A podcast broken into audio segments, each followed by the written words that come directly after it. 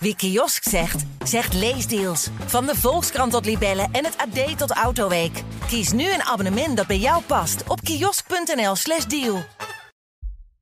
Mag ik je nog even pijpen? Hij is helemaal van jou. Ze likte ons romige seksschuim van mijn pik. Daarna seksten we stilletjes tot ze kreunend klaarkwam. Haar handpalmen schokkerig over de stenen reling. Vlak voordat ik klaarkwam, maakte Evelien het handmatig af, terwijl we elkaar tongden en ik haar wulpse lijfje hortend tegen het mijne fijn drukte. Sperma op de stoep. Mijn streven was altijd om in de Amstel te spuiten, maar dat was me nog nooit gelukt. Halverwege de weg wel. Wat hebben boekpersonages Kees de Jonge, de kok met COCK en het meisje Panda gemeen? Alle drie struinen ze door de straten van Amsterdam en zij zijn niet de enige. De hoofdstad is het decor van vele boeken. Hoe komt het eigenlijk? Wat zijn de opvallendste verhalen? En welke hotels, straatbankjes en peeskamers uit romans bestaan echt? In Amsterdam Wereldstad, een podcast van het Parool, bespreken we een Amsterdams fenomeen en geven we antwoord op de vraag: hoe zit dat eigenlijk? Mijn naam is Lorianne van Gelder. Welkom.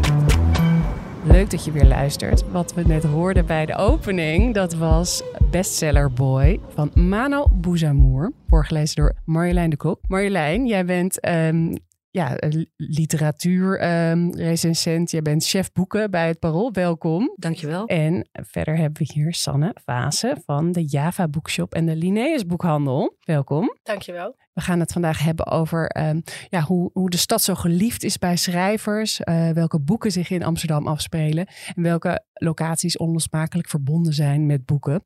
Marjolein, om eerst heel even te schetsen. Ik, uh, ik zit bij het Parool tegenover jou. Als jij er eventjes niet bent geweest, dan, dan staat er echt een muur aan boeken. Want dan heb je niet opgeruimd. Uh, ja, hoe ga jij te werk als chef boeken? Dat, ja, ik dus... krijg inderdaad die muur aan boeken. En ik droom ook regelmatig dat uh, een muur aan boeken over mij heen stort. Dat is echt een terugkerende droom. Oh, je en echt een nachtmerrie over ja, al die boeken. Het blijkt zelfs uh, dat meer mensen dat hebben. Er is zelfs kunst over gemaakt. Allemaal boekenkasten die leeg storten. En je, je maakt dus elke week boekenpagina's voor online en in het parool. Je bespreekt ja. heel veel boeken je, je, interviewt schrijvers. Je hebt hier de grootste boekenkast uh, van de redactie. en hier op tafel liggen ook een heleboel boeken. Want we gaan het hebben over boeken waar in Amsterdam een, een grote rol speelt. Uh, Sanne, ik ben eigenlijk meteen benieuwd. Uh, wat, wat is jouw favoriete roman over Amsterdam? Ja, dat is wel een moeilijke vraag. Maar wat ik heel mooi vind is het Stille Zwijgen van Erik Mengveld. Het beschrijft de vriendschap tussen twee echt bestaande personen, twee dirigenten in het concertgebouw. Dus het, is, het heeft iets in zich wat echt is. Het is een geschiedenisverhaal, het is een vriendschapsverhaal en het gaat over muziek. Het prikkelt heel veel zintuigen, behalve dat je het gewoon alleen maar leest. Met dat decor van Amsterdam-Zuid, concertgebouwbuurt. Ja. Marjolein, waar denk jij meteen aan als uh, het mooiste boek over Amsterdam? Nou, ik heb heel lang voor mijn boekenkast gestaan, moet ik eerlijk zeggen. En dan pakte ik er een, dacht ik, die, die. Maar uiteindelijk uh, viel toch mijn oog op Over het Water van Hans Maarten van der Brink. En dat is een heel mooi ingetogen verhaal waarin de Amstel een hele belangrijke rol speelt. Net als bij het fragment van Mano overigens. Maar hier wordt er geroeid over de Amstel. Het is een jongetje van drie jaar dat voor het eerst roeiers op de Amstel ziet. En dat maakt een onuitwisbare indruk op hem. En in 1944 blikt hij terug op een hele belangrijke vriendschap in 1939. Toen hij dacht dat die vriendschap altijd zou duren. En dat ze droomde van een prachtig jaar. En toen kwam de oorlog. Oké, okay, over het water. Over het water. Ja, ja. En ja, dit zijn een paar voorbeelden van, die, van de vele boeken die zich in Amsterdam uh, afspelen. Wat, wat maakt Amsterdam eigenlijk zo'n aantrekkelijke stad voor schrijvers? Ja, wat ik van de buitenlandse schrijvers die ik heb geïnterviewd altijd hoor, is toch die grachtengordel, de historische setting. Het idee dat alles hier zo bewaard en intact is gebleven. Dat spreekt enorm tot de verbeelding. Het is natuurlijk ook een hele diverse stad. Er zijn zoveel verschillende buurten, wijken, smaken, scenes uh, waarover geschreven wordt, dat het daardoor ook heel divers is. En ik ben toch heel erg benieuwd tussendoor, hoeveel boeken lees je nou per jaar? Oeh, uh, ja, nou, ik hou het bij. En uh, dat is tussen de 180 en 190. Oké, okay, wauw. Ja. Sanne, merk jij eigenlijk in, in de winkel dat um, Amsterdammers vaak vragen naar boeken over Amsterdam? Um, verschilt een klein beetje. Ik kan dat nu zeggen per wijk. Ik, omdat we hebben twee boekhandels in Oost. In de Watergraafsmeer is er heel veel uh, interesse in historische boeken over Amsterdam. Um, in de Indische buurt hebben we veel meer, dat is een iets jonger publiek, dat mensen het heel leuk vinden als de schrijver uit de buurt komt of als het zich afspeelt in de buurt. Vaak zijn ze ook wel op zoek naar herkenningspunten of dat ze misschien denken dat ze weten over wie het gaat. Eh, ja, dus het spreekt wel heel erg tot de verbeelding. Maar, en waarom is dat, denk je? Want je, je schetst al dat die herkenningspunten, dat die belangrijk zijn. Ja, ik denk omdat het, het is heel uh, romantisch is. Je kent het. En het is een beetje alsof je ook onderdeel bent van een veel groter verhaal. Van alsof je personage wordt in het een verhaal. Een beetje wel, ja. Alsof je mee kan doen. Alsof je die toevallige voorbijganger bent die uh, beschreven wordt. Heb je dat zelf ook zo ervaren? Kom je uit Amsterdam? Ik ben wel geboren in Amsterdam, maar niet opgegroeid. Uh, maar ik, ik vind wel, uh, ja, de charme van Amsterdam en boeken die zich in Amsterdam afspelen, die was wel heel duidelijk voor mij al toen ik jong was. Zeker, ja. Ja, want, want de, ja, het palet is enorm breed. De Ja. boeken die uh, allemaal over Amsterdam zijn uh, geschreven. Laten we nog alleen nog heel even over de Boekenweek uh, hebben. Want die is deze week begonnen. Um, het Boekenbal is net geweest. Uh, waarom vindt dit ook allemaal plaats in Amsterdam? Heeft dat een reden? Nou ja, Amsterdam, de hoofdstad. Er zitten hier de meeste uitgeverijen. Er zitten toch ook wel veel schrijvers in Amsterdam. Dus het is een vrij logische locatie. We zijn dit jaar teruggekeerd naar de stad Schouwburg. Vorig jaar was het in Escape. Dat was als gevolg van corona. Toen is het twee jaar niet geweest. Uh, het is ook gehouden in Carré, in het Stedelijk Museum, in Paradiso. Uh, en wat ik ontzettend leuk vond, is ook een keertje niet in Amsterdam gehouden. Eén keer. In 1981 besloot de CPMB, de boekenmarketingorganisatie die ook het boekenbal organiseert, besloot om te verkassen naar het Brabantse dorpje Diesen. Ik heb niet echt kunnen uit, uitvogelen waarom. Uh, waarschijnlijk omdat ze een beetje af wilden van het ons kent ons sfeertje dat het boekenbal natuurlijk heel erg heeft. Ja, het heeft wel een beetje een air van uh, elitaire ja, dus, dus ze gingen in 1981 even niet elitair doen en besloten werd dat ook alle inwoners van Diesen een boek uh, mochten krijgen.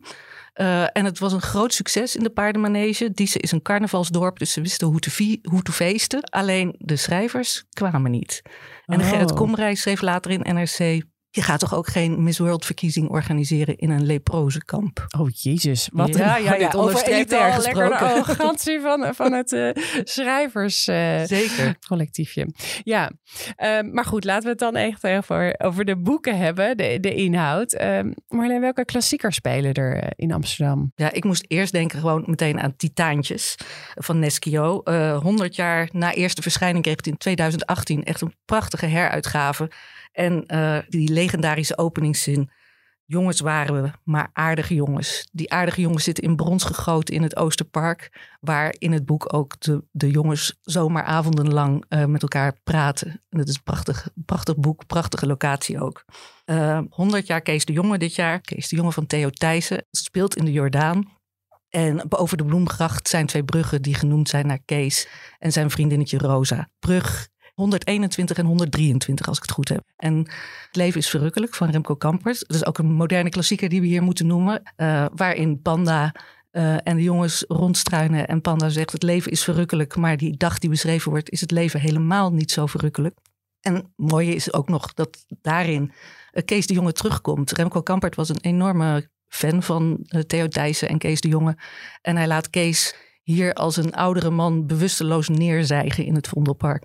Dus er is ook een groot literair bewustzijn uh, van uh, schrijvers onder elkaar. Schrijvers ja, onder elkaar ja, die ja. genieten van elkaars werk en daar weer een eerbetoon uh, aan elkaar geven. Ja, en, en als je Amsterdam als, als setting uh, ziet, dan, dan denk ik ook bijvoorbeeld aan, uh, aan de baantje-reeks met uh, de kok van COC, met COCK, Sanne. Um, ja, past, past die ook onder de klassiekers? Vind ik wel, ja, vind ik wel. Want je vroeg net van wat heeft dan de charme van Amsterdam? En dat heb ik heel erg met Baantje. Dat is een van ook de eerste dingen die je dan op televisie mocht zien. En de boekjes, die las ik wel eens op vakantie. Maar als ik naar Amsterdam ging, dan gingen we of met de auto en dan parkeerden we onder de Bijenkorf of achter de Bijenkorf. En dan wist ik, nou daarachter is de Warmoestraat. En daar speelt het zich allemaal af. En je voelde, ik weet niet, er voelde een enorme aantrekkingskracht. Ja, dus jouw literaire beeld van Amsterdam was dus eigenlijk al best wel. Warmoestraat Ja. en, en, en Ja. de Wallen. Mooi is dat die Baantje-reeks inmiddels aan zijn 92e deel toe is. En Appie Baantje schrijft hem al lang niet meer. Peter Reumer heeft het stokje overgenomen. En Baantje heeft altijd dezelfde ingrediënten en hij speelt daar prachtig mee. Ik persoonlijk heb trouwens een hekel aan de kok met COCK. Want ik heet de kok met COCQ. Ik krijg het dus altijd te horen. Oh, je krijgt altijd deze grap. Altijd die grap. Ja, ja nee, oké, dat, is, uh, dat is, kan vervelend zijn. Maar goed, ik vind het wel een mooi beeld dat, dat, dat jij als, als um, niet-Amsterdammer uh, toch uh, Baantje en, en Warmoestraat en, en de Wallen als, als, als beeld weer had via de literatuur en via de series. ja. De Wallen zijn sowieso heel veel bezongen natuurlijk in, in de literatuur. Uh, Oesters van Namke van Kees Ja. van Bijnen. maar- En niet alleen nee. Oesters van Annemke, dichter op de Zeedijk. En hij heeft in 2019 de roman uh, 23 seconden. Speelt ook op, weer op de Wallen, op de Zeedijk. En uh, ik moet meteen ook denken dan aan John Irving, Weduwe voor een jaar. John Irving is daarvoor heel veel in Amsterdam geweest. Verbleef daar soms weken. En hij sprak ook echt met prostituees en met politieagent. Ik moet even denken hoe hij heet. Joep de Groot stond model voor Harry Hoekstra in de roman. En in de roman laat hij een schrijfster uh, een boek bedenken dat zich afspeelt op de wal. Het is dus een beetje drosten-effect. En daarin uh, neemt de schrijfster met een vriend plaats in de kast in een peeskamer om toe te kijken hoe zij hoe die prostituee klanten ontvangt. Dus hij deed echt onderzoek. Hij deed echt onderzoek en uh, hij nam het zeer serieus. Hoe belangrijk is het, is het dat het beeld klopt van Amsterdam? Ik, ik meen te, te, herinneren dat er ook soms, nou ja, in ieder geval bij films wordt er best wel vaak heel kritisch gekeken naar of, of uh, ja, de hoek omgaan bij de Prinsengracht, welke, dat je wel in de juiste straat terechtkomt, zeg ja, maar. Zo'n legendarische scène in een film van Dick Maas, waarin een speedboat scène zit die in Amsterdam speelt, maar die is gefilmd is uh, in Utrecht, waar toch echt een hele andere uh, wallenkant te zien is. Ja, die hele lage gracht, dat kan helemaal ja, niet in Amsterdam. Ja, ja, ik weet het. Ja, dat je... ja, maar is dat in boeken ook wel eens zo? Uh, hebben jullie daar ook wel eens reacties op uh, nou, ik, ik, ik, ik, weet, ik heb vertaalwetenschap gestudeerd, dat is lang geleden. en toen had ik een gesprek met een vertaler van Harry Mulisch. En die vertelde dat hij bij de vertaling van Harry Mulisch nog wel eens een straat had gecorrigeerd. Oh. Ja, dus dat vond ik heel grappig. En ik heb ook wel boeken gelezen waar ik dacht van, hé, hey, als je van de Hollandse Schouwburg naar de synagoge loopt, ben je niet een half uur onderweg. Ja, precies. Ja, ja, dus klopt ook niet altijd. Nee, nee ja. maar ik denk wel dat de sfeerbeschrijving altijd, dat dat het eigenlijk het belangrijkste is. Dat Amsterdam een bepaalde sfeer heeft of dat die dan gevangen wordt en dat daar mensen wel al snel tevreden Ja, ik heb zelf altijd, als ik, als ik dan een, een boek lees dat echt heel nadrukkelijk in, op een plek is gesitueerd, dat ik ook zin heb om een kaartje erbij te pakken. Ja, dat zo. je even gaat zoeken van waar is dat dan ja, precies. dat ik het ook echt even wil zien. En, en nou ja, dan is het wel belangrijk dat het wel klopt. Ja. Maar het leidt ook een beetje af om dan Google Maps na, naast je roman ja. te hebben ik liggen. Ik moet zeggen dat dat bij mij ook een verslaving is geworden. Ook voor romans die buiten Amsterdam afspeelt. Dat je gewoon meereist met het boek. Dat en, je het toch even wil zien. Ja, precies.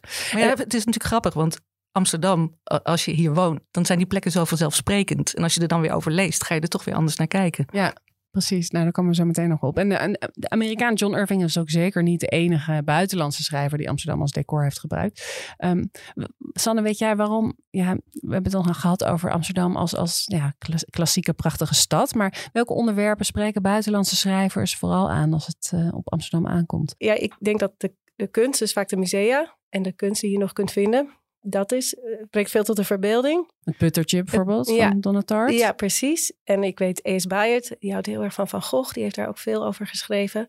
Of die, dan is iemand in Amsterdam om dat te bekijken. Dat helpt wel veel. Um, zijn, de oorlog helpt toch, is ook altijd wel een bron. Ook zeker voor de oorlog waren er veel schrijvers die hier nog hun werk konden publiceren of nog konden blijven. Ja, en dan heb je het echt over Amsterdam als, als veilig toevluchtsoord. Precies. En ja, het schrijvershuis gewoon boven, je hebt een, het Letterenfonds heeft een paar schrijvershuizen. En zeker die boven de Atheneum, daar zitten gewoon veel buitenlandse schrijvers. En die kijken om zich heen en die beschrijven wat ze zien of wat ze voelen. Dat is, helpt ook heel erg, denk dus ik. dat is echt een, een fysieke plek. Maar wordt er dus ook gemaakt voor schrijvers Zeker, in de stad? Ja, zeker zoals, uh, zoals John Green heeft daar gezeten. En die heeft dat heel erg gebruikt in zijn boek. Meevoud in de sterren.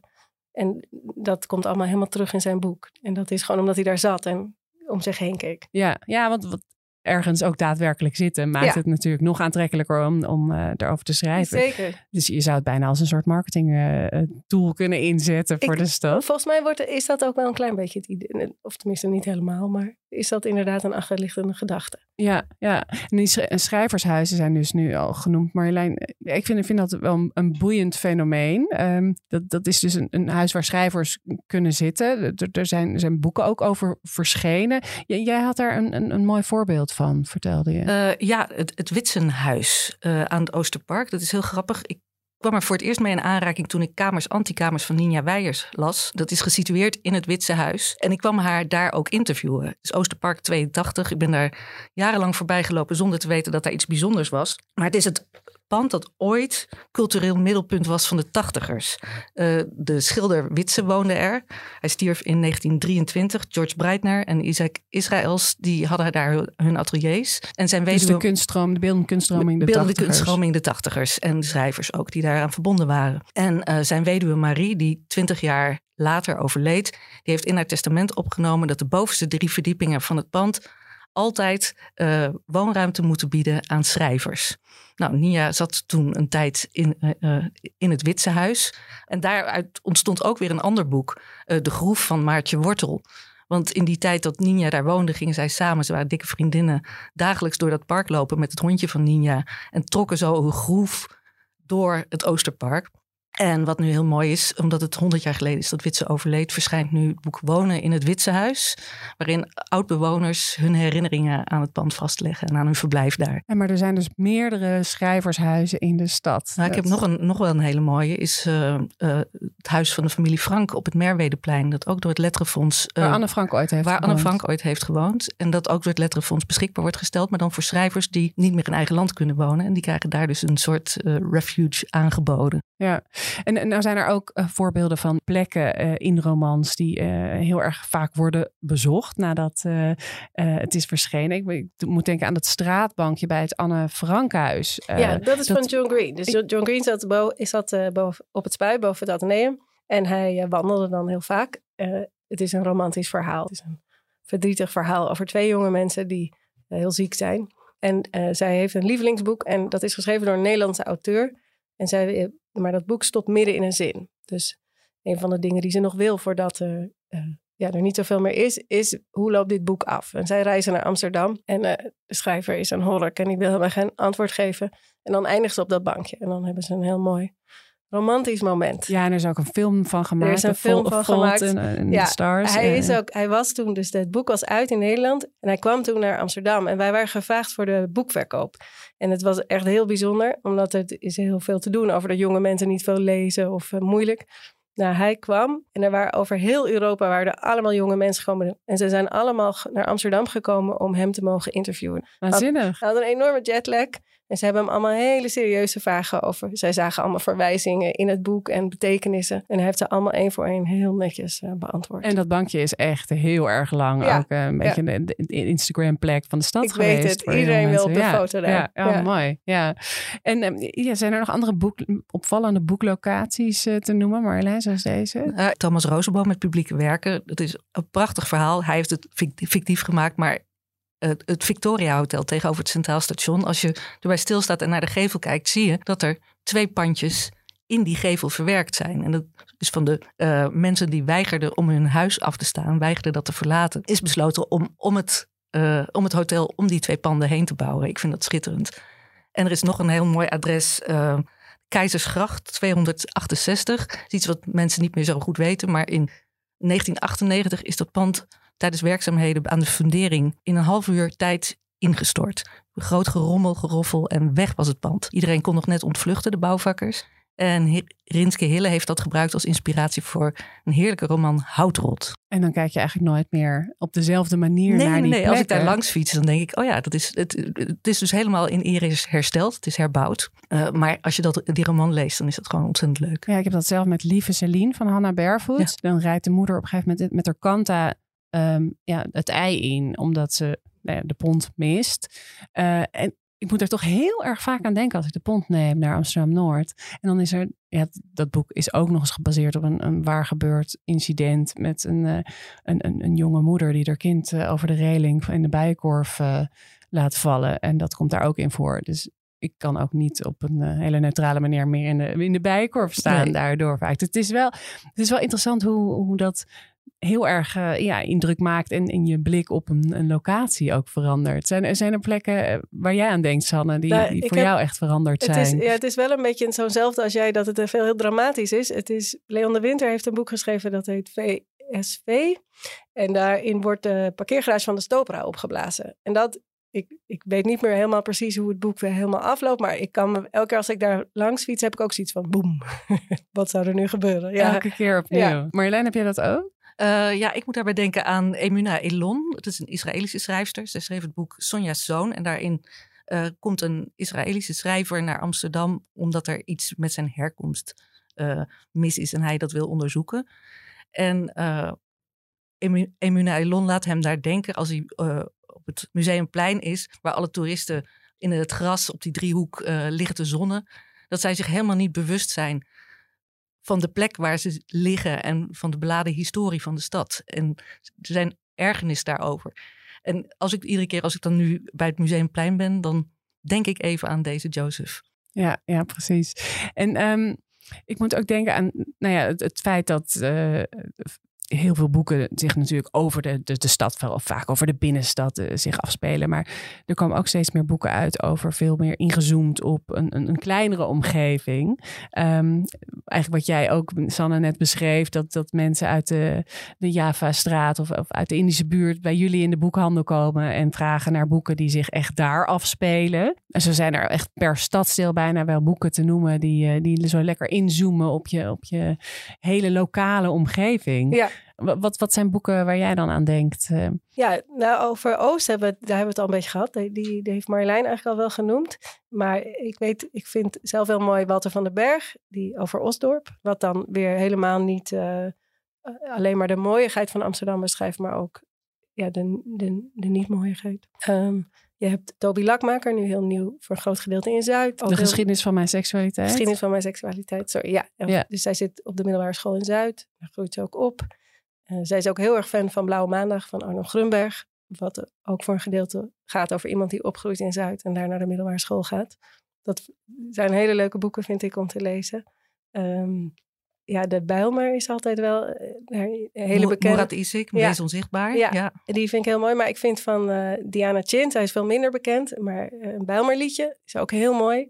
Is een klein boekje over... Het begint in de jaren zeventig. Is een familie die verhuist vanuit het centrum van Amsterdam naar de Bijlmer. Terwijl de Bijlmer nog helemaal nieuw is. Zijn de eerste bewoners van het huis. En zij zijn een Chinees, Surinaams, Nederlandse gezin. En zij zijn heel blij om daar naartoe te gaan. En zij beschrijft heel erg um, hoe de, ja, een beetje tussen, tussen de regels door, de, de nieuw, hoe licht het is, hoe mooi het is de Bijlmer. Uh, maar wat van verschilt ook is, want zij gaat naar de middelbare school in de stad. En, en hoe er gekeken wordt naar de Bijlmer. Uh, en als ze vertrekken, dat de Bijlmer dan niet meer hetzelfde is. Dus dat zit wat subtieler dan in Murat Isik, maar een heel mooi uh, verhaal.